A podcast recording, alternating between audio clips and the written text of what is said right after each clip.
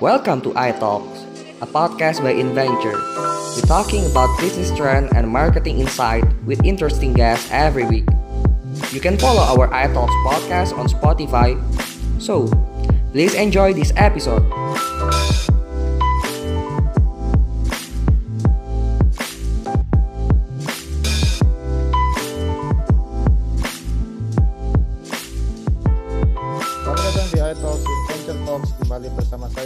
Farid Fatahila sebagai host iTalks yang akan membahas isu-isu dan insight marketing dan bisnis paling hangat dan terupdate.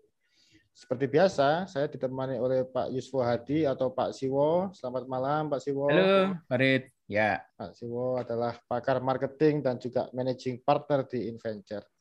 Nah, kali ini kita akan membahas topik yang cukup menarik ya. Sekitar dua tahun terakhir, eh, awal pandemi, bahkan dari sebelum pandemi itu sudah mulai terjadi euforia waktu itu sepeda Brompton ya, yang saat itu ramai, mulai diperkenalkan apa sampai heboh yang salah seorang dirut BUMN saat itu ada skandal menyelundupkan Brompton dari langsung dari London dari Inggris yang ketahuan terus akhirnya viral terus juga pandemi juga memunculkan tren bersepeda yang itu juga apa eh, Brompton banyak sekali ya dipakai terus di jalanan yang akhirnya harganya juga melonjak gila-gilaan itu ya, sampai dari yang mungkin awalnya paling murah bisa saat itu 20 jutaan bisa sampai tiga kali lipat sampai yang termahal bisa 100 jutaan lebih.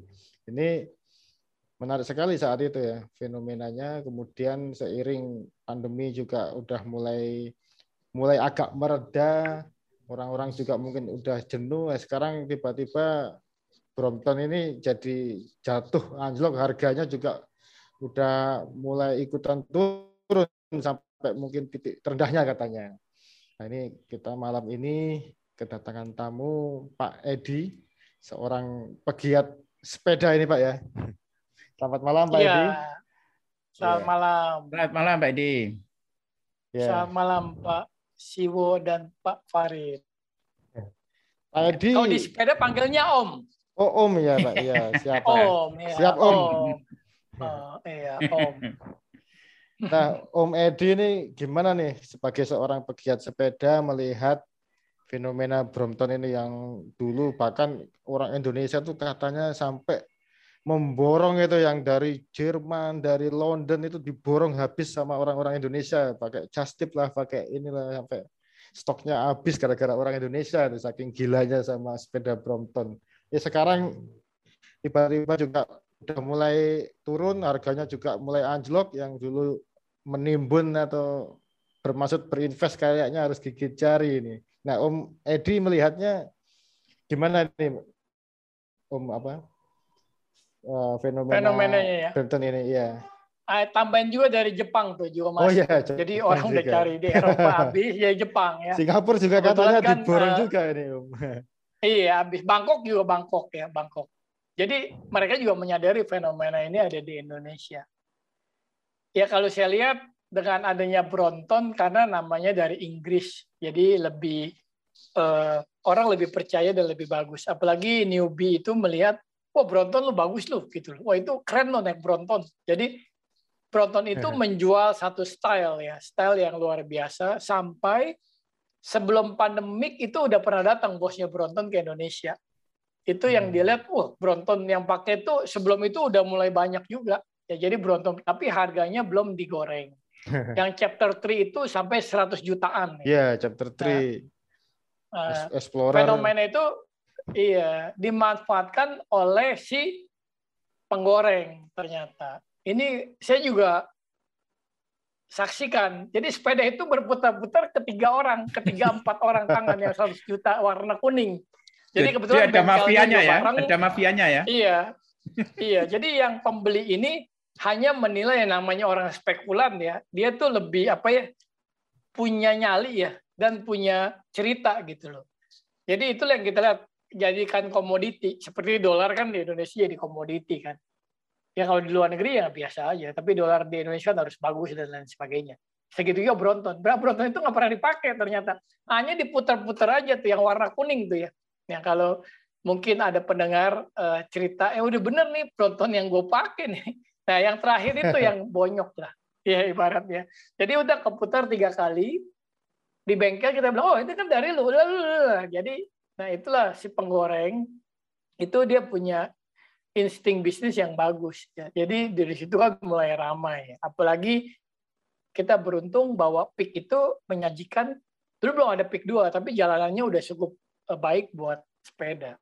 Yeah. Nah, iya. di situlah mereka naik ya, naik semua dan juga uniknya lagi Bronton di Indonesia di OPOME, di ome-ome, ibaratnya dipakai Shimano gearnya dan yeah. lain sebagainya. Kalau di luar negeri nggak pernah dipakai di, dandan-dandan gitu. Ibaratnya di, upgrade. di upgrade ya. Jadi nah itu kan fenomena yang luar biasa. Jadi bertambah mahal lagi. Jadi yang tadinya Bronton nggak bisa nanjak, dibikin bisa nanjak. Jadi benar-benar akhirnya yang dia beli hanya berupa casingnya doang. Ya. Semuanya dibongkar. Eh itulah orang Indonesia yang berani gitu ya. Jadi, nah itu uniknya dari Bronton tersebut. Dan lama kelamaan orang yang naik Bronton juga melihat kan, oh ada itu kok lebih cepat ya, oh nanjakannya lebih enak ya, kok mantep ya. kok semuanya jadi ah itulah beralih. Nah itu yang saya lihat fenomena eh, drug ya, drug bisnis kan begitu kan. Dia maunya hip terus kan, high high terus kan. Yeah. Nah jadi akhirnya ya Broton itu ya jadi turun lagi ya. Itu fenomenanya sebentar. Kita udah tahu ini bakal turun lagi nih Broton. Memang sih paling murah Broton 20 juta ya, kurang lebih 900 ya, euro lah. Hmm. Pak Edi, kalau itu ya. eh, kan nyampe 100 bahkan 200 juta ya. Sebenarnya yang hmm. seratusan juta itu paling ya cuma tiga lima orang itu aja ya. Tapi yang yang apa ya istilahnya naik, tapi naiknya itu naik market yang mass gitu, paling kan di sekitar 50 60-an gitu ya. Atau yang 100 juta itu juga banyak. Oh, 100 juta itu hanya certain ya. Certain. Iya kan? Jadi certain. Nah, kan? Terus dia juga bikin nih, iya ada chapter 3 ya ini hanya khusus yeah. chapter 3. Kalau yang bukan chapter 3 nggak boleh ikut. Dia ke Jepang, ke mana gitu, yuk jadi itu uh, bos-bos ya bikinnya. Jadi satu perkumpulan chapter 3 ya khusus. Nah itu yang membuat eksklusivitas. Ya. Nah itulah yang membuat ya orang Indonesia yang bikin lah ya. Tapi kalau kita ke Inggris ya biasa aja. Di Eropa ya biasa aja ya. Di Jepang ya biasa aja. Gitu loh. Nah itulah hmm. orang Indonesia yang bisa membuat market itu bergerak. Nah itu yang kita bersyukur. Jadi mereka ini akan melihat Indonesia sebagai barometer dari harga loh, bukan desain. harga itu hmm. bisa diotak-otik sama dia. Gitu. Itu by ya, design kan, atau memanfaatkan momentum, Pak Edi? Jadi dulu kan ada kasus Garuda itu, terus wah ini kayaknya sentimen muncul, terus spekulan langsung goreng gitu, atau memang memang sebelumnya atau setelahnya itu by design? Ah, sebelumnya udah mulai, udah udah iya dicari-cari ya, kan? orang. Sebelumnya tuh udah ada. Uh, by design itu suatu kebetulan ya. Jadi tidak ada orang yang membuat ini ibaratnya itu hukum alam lah ya. Jadi tiba-tiba ada yang nyari, kebanyakan buat istrinya. Hmm. Bukan ya. buat istrinya lah, banyak istrinya nyari. Nah kan kalau istrinya nyari kan keke harus ada. Mungkin suaminya yeah. banyak bersalah ya, jadi mau nggak mau kan. Kalau bukan istrinya nyari, suaminya pasti nggak mau beli. Ini umumnya yang saya lihat. Iya mereka beli buat istrinya. Karena kalau nggak pakai penutup mulut nggak ya? mau gitu loh. iya, itu yang saya lihat tuh inilah fenomenanya ya. Kalau bisa dimanfaatin lebih baik lagi uh, dan buar gitu loh. Dan kata-kata wanita kalau naik sepeda kan uh, apa rasa kayak dia pegang Hermes lah ya. Jadi kayaknya pede lah. Kalau naik Bronton ini kayaknya lebih mantep gitu. Padahal Menurut ada Pak sepeda Edi, yang 5 juta, 6 juta, oke. Okay. Menurut Pak Edi ini nggak sustainable ya, sekarang di posisi sekarang ini. Kalau dulu bisa digoreng-goreng, why not sekarang nggak bisa digoreng-goreng? Bronton. Sekarang udah nggak bisa. Nggak bisa, udah nggak bisa. Jauh, barangnya banyak. Ya stoknya udah keburu banyak ya Pak. Demand udah mulai udah menurun. menurun. Jadi mulai iya. back to uh, normal. Bukan juga karena dia tahu kegunaannya gitu loh. Jadi yang cyclist ini dia rasakan naik ini kok pelan banget ya. Ibaratnya manusia ada jiwa untuk bertanding harus gitu loh. Nggak ada orang naik sepeda ya sedidak-tidaknya bisa cepet lah dari si A di si B gitu loh. Dan ini ya jadi dia lihat oh ini kurang ya. Manfaatin inilah beli lagi deh baru beli beli beli beli beli. Akhirnya RB RB masih bagus. Road bike itu masih bagus. Sama gravel ya. itu dicari yeah. orang. Hmm. Ya. Gitu. Jadi jadi kalau uh, kalau ini komedi dari turunnya hmm apa animo terhadap Brompton tadi apakah memang konsumennya itu mulai jenuh bersepeda atau malah memang upgrade ya pindah tadi apa mencoba ya, RB. yang RB, RB atau gravel tadi ya ya RB ya, juga ya. apa makin ini ya makin banyak nih yang pindah ke sana nih karena bisa lebih iya, pamer ya. itu iya kadang kan ada tukang foto ya tukang fotonya oh, iya, lumayan betul. tuh satu foto sekitar 75.000 sampai 100.000. Jadi saya ada event di Celetu ya. Di Celetu, Celetu tahu lah Ya, di itu kita nggak usah bayar loh. Dia dia berani gambling. Jadi gambling untuk foto. Kan dia aja udah costnya berapa. Tapi kan pada waktu orang bergaya nanjak dan lain sebagainya itu momentum yang mahal. Itu yang iya, dia betul. bisa jual. Gitu loh. Jadi wah gaya gitu. Nanjakan ini wah luar biasa sekali. Nah tukang fotonya itu kalau saya lihat uh, booming ya. Dan fotonya sangat profesional ya. ya Bukannya ya, abal-abal, dia pakai tele dan lain sebagainya. Jadi ini apa? Uh, peluang bisnis ya. Baru mm -hmm. itu untuk fotografer-fotografer. Ya. Saya Sama lihat kafe. banyak juga sih di ya. Saya lihat banyak di Sudirman, di Bintaro, Bintaro Loop, Kuningan. atau Loop memang kuningan udah ada ini tuh hmm. fotografer-fotografer yang udah siap gitu. Iya. Nanti tinggal iya, ditebus. Ya. Tapi mereka Pak Edi, tuh nggak bersaingan.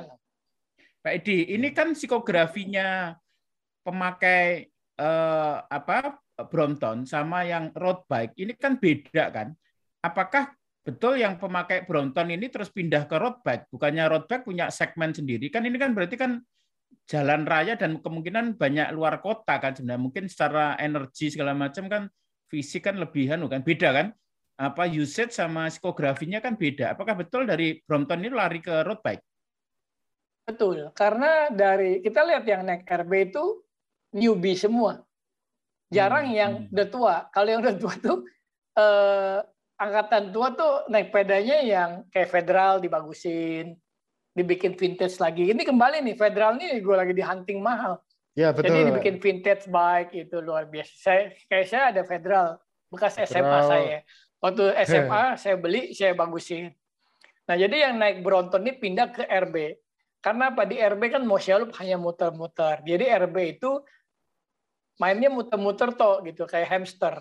Jadi dia Jadi loop gitu. Di, Iya, di loop. Uh, contohnya di perumahan Alam Sutra itu paling top yeah. karena loopnya panjang ya. Jadi Mosia, di loop itu ya Mosia, Alam Sutra, Bintaro, sama Pik lagi. Pik yang paling ya, bagus yeah, lah. Jadi paling aman Pik karena nggak bercampuran dengan orang-orang yang jalan gitu. Jadi itu sangat baik. Mereka itu perlu coach. Coach itu lagi rame.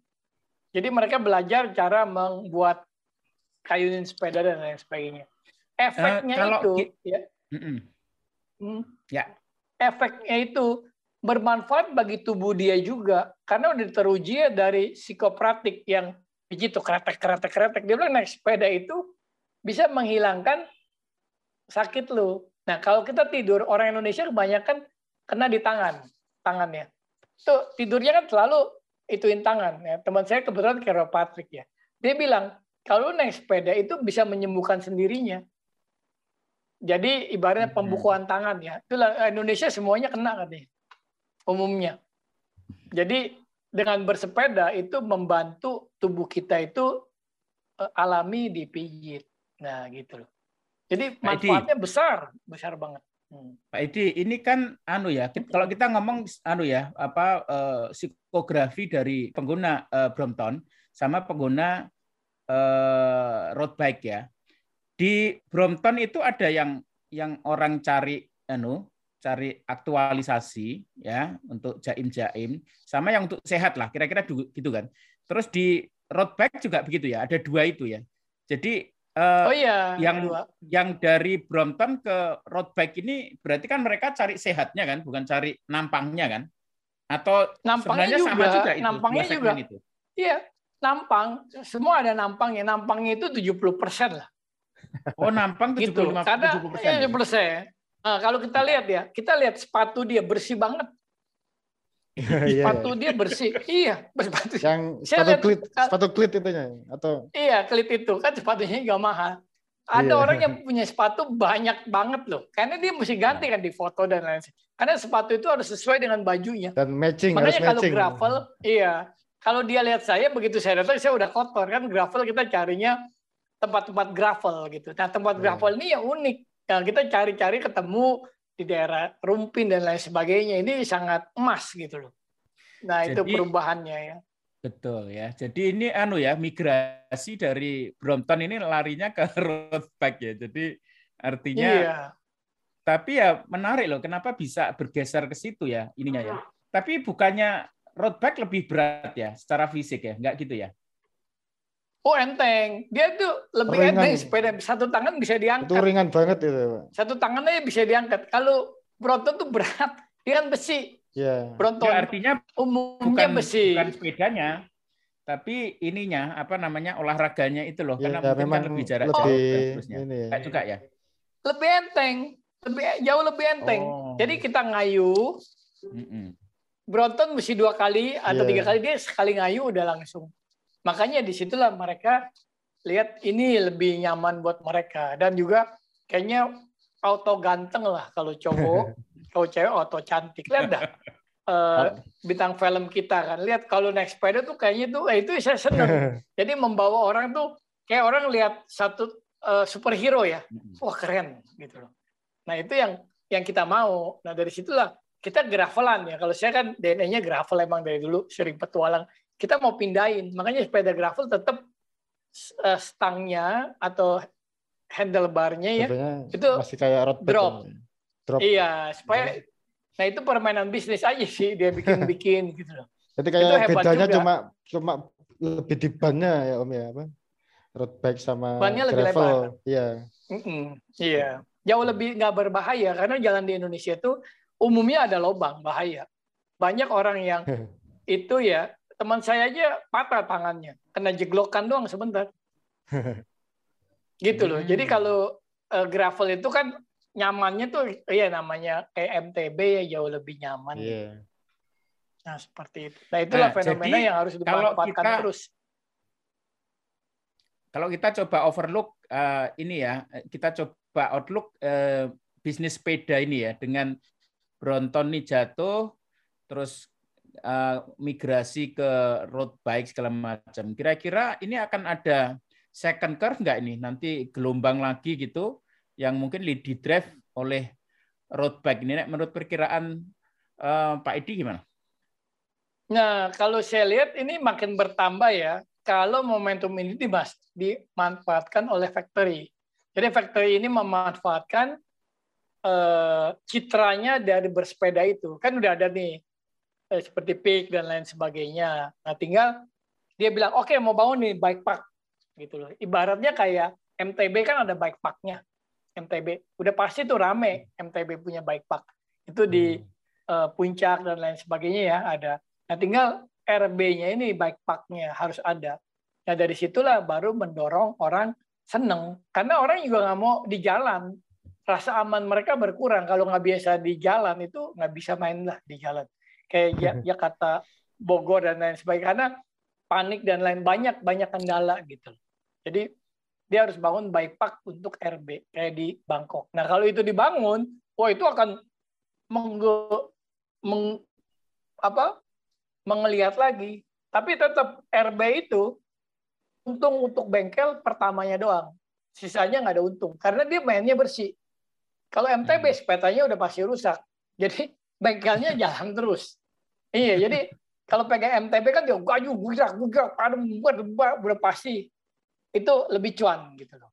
Oh. Jadi kalau RB sekali doang gitu. Kecuali RB-nya jatuh apa langsung patah tuh RB. Kalau jatuh karena kan dia enteng ya. Nah, seperti itu ya. Iya, langsung Peluangnya. nangis itu. iya. Kalau RB sekarang ini eh, kalau kita ngomong ininya ya, ngomong fasenya, ini eh, kan kalau Brompton kan pernah happening terus sekarang turun ya. Nah, eh, apa namanya? Dulu waktu booming juga anu ya, tiba-tiba aja gitu karena ada kasus Garuda dan seterusnya. Tetapi eh, RB ini mungkin lebih anu ya, lebih lebih solid, lebih robust gitu ya, apa lebih sustainable, lebih pelan-pelan eh, tapi konsisten gitu ya. Atau nanti bakal kalau menurut Pak Edi akan bakal ada lonjakan dan mungkin turun atau mungkin naik lagi. Kira-kira kalau RB gimana?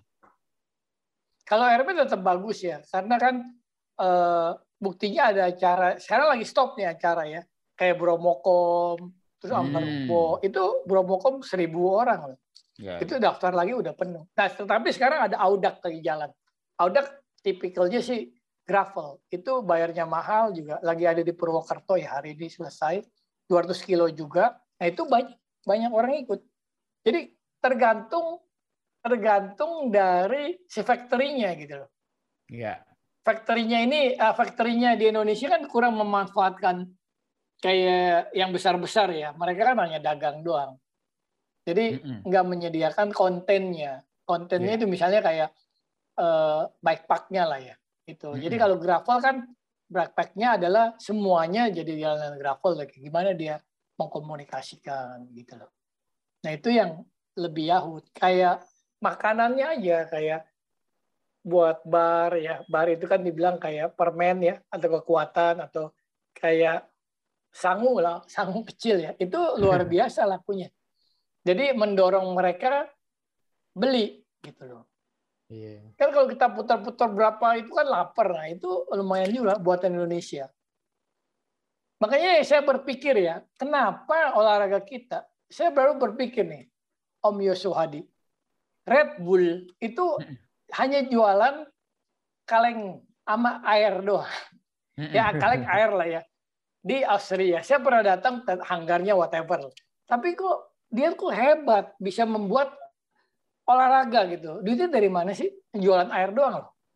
Nah itulah yang sponsor balap, motor, semua uh, sepeda juga dia sponsor kan. Nah itu yang membuat kok kita punya perusahaan sebesar Pertamina nggak bisa seperti Red Bull. Red Bull tuh minuman doang. Nah gitu loh, event-event ini yang mendorong di Eropa anak-anak kecil udah lihat naik sepeda, jadi mereka seneng uh, gitu loh. Pokoknya acara tahunan dia kan ada Tour de France, terus ada uh, Tour Spain, Italia, Giro yeah. ya. Nah itu yang membuat mereka tuh benar-benar ada citra rasa. Nah di samping itu kan ada olahraga lainnya lah ya. Nah gitu. Kalau road bike ini, uh, tadi udah ceritain dikit sih, tapi mungkin lebih lengkapnya gitu ya. Kan untuk bisa sustainable, ekosistemnya kan terbangun semua, ya kan? Ketika marketnya yeah. itu booming, tetapi ya apa turismenya, olahraganya, tokonya, pabriknya, ya bengkelnya, sebenarnya elemen-elemen ekosistem ini apa aja kalau di di apa namanya di sepeda? Dan sampai titik sekarang itu ekosistem itu sudah seberapa lengkap ya? Kan kadang-kadang tidak snowballing nggak menjadi besar kan ketika elemen ekosistemnya itu hilang gitu atau atau apa namanya beberapa nggak ada gitu sehingga nggak jalan nggak muter gitu apa aja ekosistem elemennya itu? Nah saya kasih contoh dulu ya di Swiss di Swiss dulu ya. Pada hmm. waktu dulu saya naik cable car ya. Cable car itu hanya bawa pada musim dingin mereka bawa olahraga. Cable car udah. Mau buat main ski lah ya snowboarding dan lain sebagainya. Terus akhirnya Swiss memanfaatkan. Summer dia bikin MTB downhill. Nah sekarang kalau ke Swiss itu cable car-nya jalan tadinya hanya jalan untuk musim dingin sekarang musim panas orang naik sepeda jadi turunin hmm. downhill dia udah bikin track-tracknya jadi tuh dia dapat dua fase jadi track yang tadinya kalau winter buat snow, olahraga salju. Kalau musim panas, dia olahraga eh, MTB. Nah dia udah ketemu gitu loh. Tanpa disadari ya saya lihat tuh lama-lama orang naik sepeda jadi jadi satu. Nah di Indonesia itu yang harus karena kita beruntung punya pick. Itu pick itu yang membawa hipnya yang luar biasa. Ama Mosia dan uh, pengelola juga bantu juga lah. Nah itu yang paling penting tuh sarananya untuk bermainnya. Nah, kalau itu bermainnya ada, itu pasti laku sepeda. Pasti sepeda itu olahraga yang tidak tergolong tidak disukai. Kan bagus, lu keren. Pakai gitu kan rata. Dan bisa Wah, manis semua dah. orang ya. Semua semua cewek cantik di situ. Jangan terlalu dekat aja lihatnya. Karena pakai kacamata, pakai helm yeah. mahal dan lain sebagainya. Wah, keren deh. Gitu loh. Jadi itu yang membuat dia kan orang maunya sportif uh, apa sportif ya dia punya foto dan lain sebagainya nah itu yang harus disiapkan sarananya nah kalau ini ketemu udah akan panjang jadi tiap kota membangun sekarang kan kita lihat kan yeah. banyak kota-kota di uh, Bogor dan lain sebagainya Jakarta dia bangun kan jalanan sepeda nah seperti itu nah jadi kalau dibikin kan nggak mungkin lah orang Indonesia kerja naik sepeda itu nggak mungkin karena panas jadi, itu keringatnya luar biasa. Betul. Udah nggak mungkin lah itu. Itu pasti mungkin. Airnya malah lebih mahal. Kantornya rugi air. Yeah. Jadi baik tuh kantornya besok lu jangan mandi di kantor gua, lu airnya mahal. nah itu itu yang saya lihat. Nah kalau dibikin aja satu, kayak golf kan ada bikinnya, lapangan golfnya. Yeah. Nah kalau sepeda ini ada aja satu, karena sepeda ini bisa datang dari mana-mana gitu. Contohnya ya kayak Danau Toba bagus. Oh, iya, nah itu betul. tinggal ditambahin lagi, tinggal ditambahin lagi rambu-rambu bersepedanya gitu loh. Saya kan udah bersepeda juga di Eropa ya, itu bagus gitu loh. Saya sebulan di Eropa waktu dulu sebelum zaman zaman orang sepeda lah. Saya pakai sepeda lipat, saya bawa dari Jakarta. Saya muter-muter, kondisi dia bagus. Memang orang mau naik sepeda, makanya di situ ada vehicle tourism. Saya lihat tuh di Jerman itu kalau musim panas itu orang naik sepeda itu satu keluarga naik sepeda semua. Satu kereta menyediakan buat sepeda. Kalau capek tinggal naik. Kedua, ada hotel-hotel yang khusus sepeda. Gitu. Hmm. Jadi yang namanya sepeda itu punya cerita di sana. Dan anak kecil pun semua dulu naik sepeda semua di sana. Nah itu yang mendorong orang untuk bernaik sepeda. Mereka jalan Contohnya di Jerman ada romantic route, oh, itu bagus naik sepeda ya, lihat castle dan lain sebagainya. Indonesia juga bisa bikin. Nah kayak gitu-gitu loh. Kebetulan kan di pariwisatanya bisa bikin juga bicycle yeah. tourism. Karena dengan bersepeda kita bisa menikmati pemandangan. Apalagi kita punya di Gunung Bundar air terjunnya luar biasa. Jadi fasilitas itu yang ada lah. Kalau uh, tanda-tanda rambu-rambunya dan lain sebagainya. Jadi orang lebih yakin oh, oh ini jalur sepeda nih. Walaupun mereka tuh akan bergabung nanti dengan lalu lintas lainnya. Nah, seperti itu. Jadi kita butuh untuk membangun ekosistem ini satu jalur sepeda dulu. Karena yeah. semuanya udah ada. Hmm. Kalau Akhirnya. ini Pak Edi, ini kan sektor pariwisata ini kan sektor yang anu ya, yang salah satu yang paling terdampak dan sepeda adalah uh, barangkali nanti akan menjadi apa ya kayak driver baliknya lagi pariwisata itu comebacknya pariwisata karena bersepeda ini kan termasuk yang bisa apa ya social distancingnya oke kemudian sehatnya oke gitu ya terus ke alam segala macam jadi ini bakal anu ya bakal sepeda yang dilingkan ke pariwisata ini akan bakal jadi industri besar ini ya. Pak Edi ngelihatnya kayak apa? Iya. Karena Pak Edi juga pelaku di situ juga. Jadi atraksi Pak, iya, jadi iya. atraksi khusus ya Pak. Iya. Ya ini akan jadi industri besar. Di Eropa ya udah besar. Kita lihat turisme-turisme Eropa yang datang ke Indonesia, turisme dari Austria, eh, Australia, dan juga turisme dari New Zealand, mereka juga mempromosi sepeda. Karena dia tahu fenomena sepeda itu di Indonesia itu sangat tinggi dan orang Indonesia punya uang untuk naik sepeda karena mau cari experience-nya ya. Walaupun 10 kilo yang penting bisa di New Zealand gitu bersepeda. Nah, jadi yang saya lihat karena market Eropa itu udah ada, tinggal dibuat lagi di Indonesia-nya. Jadi itu menjadikan bumi karena dengan bersepeda kita akan menikmati alam yang detail, sangat detail. Kalau jalan kaki ya nggak mungkin 20 kilo aja udah capek. Kalau sepeda paling sedikit 50 kilo kita bisa jalan. Jadi saya udah juga di NTT, Sumatera Barat dan lain sebagainya. Itu udah ada bagus, tinggal dibikin paketnya doang. Paketnya yeah. itu yang nggak ada. Misalnya Sumatera Barat itu buat sepeda 8 hari, enak. Uh, danau di atas, danau di bawah. Saya pergi, oh itu keren banget. Itu Sumatera Barat tuh udah alamnya seperti Eropa. Iya. Jadi kita nggak usah ke Eropa. Meliuk, meliuk, meliuknya itu ya. iya, suasananya bagus. kita punya kebudayaan alamnya ketemu, makannya ketemu, betul. Eh, semuanya komplit, ngarainya ketemu, iya, wah ya. komplit lah. Iya, nah, betul. Jadi uh, pariwisata Indonesia tuh kurang konten juga ya, masalahnya Om Siwoy. Iya, konten betul. itu yang eh, kalau di kalau di Singapura kan lihat, Singapura ya contohnya. Kalau sebelah negara yang paling kreatif untuk pariwisata, dia bangun air mancur yang ada dekat airport. Iya, yeah, Jewel of Singapura. Jewel. Iya, Iya, jual. Orang-orang foto di Singapura itu air terjun palsu. Lu ke Gunung Bundar tuh. Itu ada 30 air terjun yang asli. Saya bilang, malah ada yang masih tersembunyi belum dijangkau itu asli banget.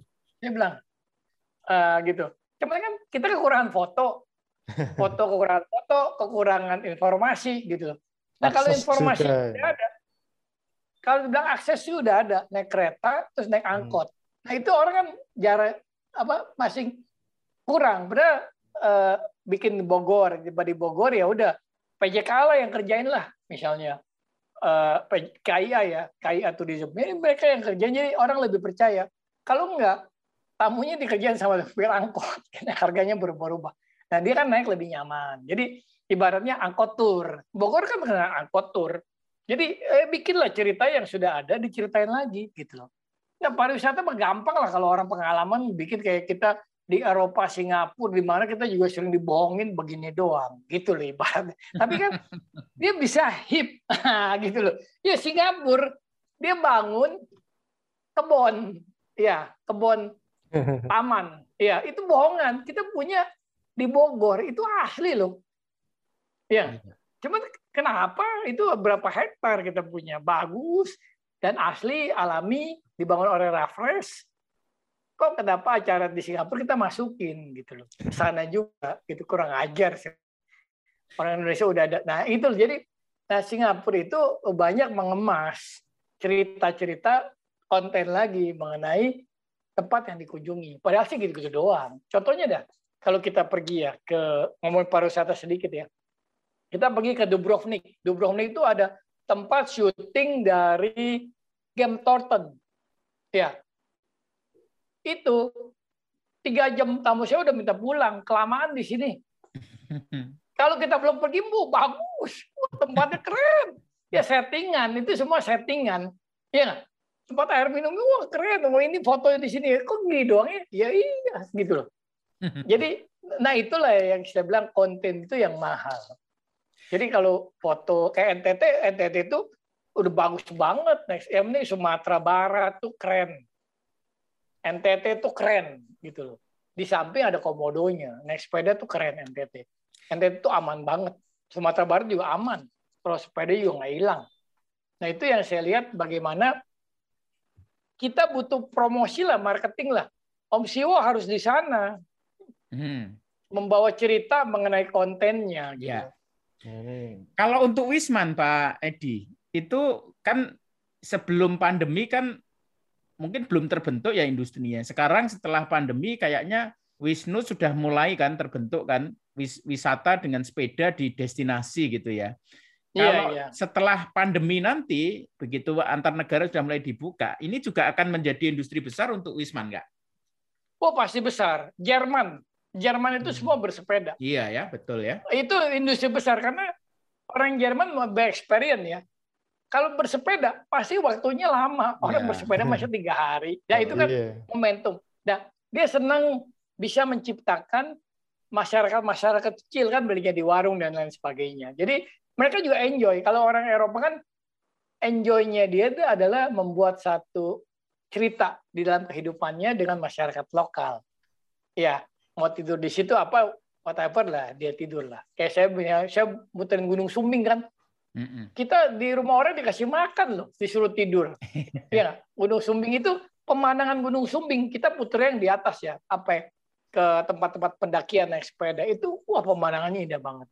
Nah Sumbing itu ya satu gunung tuh untuk perkebunan. Nah kita kan lihat kalau Jawa Barat satu uh, gunung tuh untuk uh, teh. Nah itu Belanda itu udah atur ya hebat ya, kalau saya lihat. Dia tahu gunung-gunung mana yang bercerita gitu.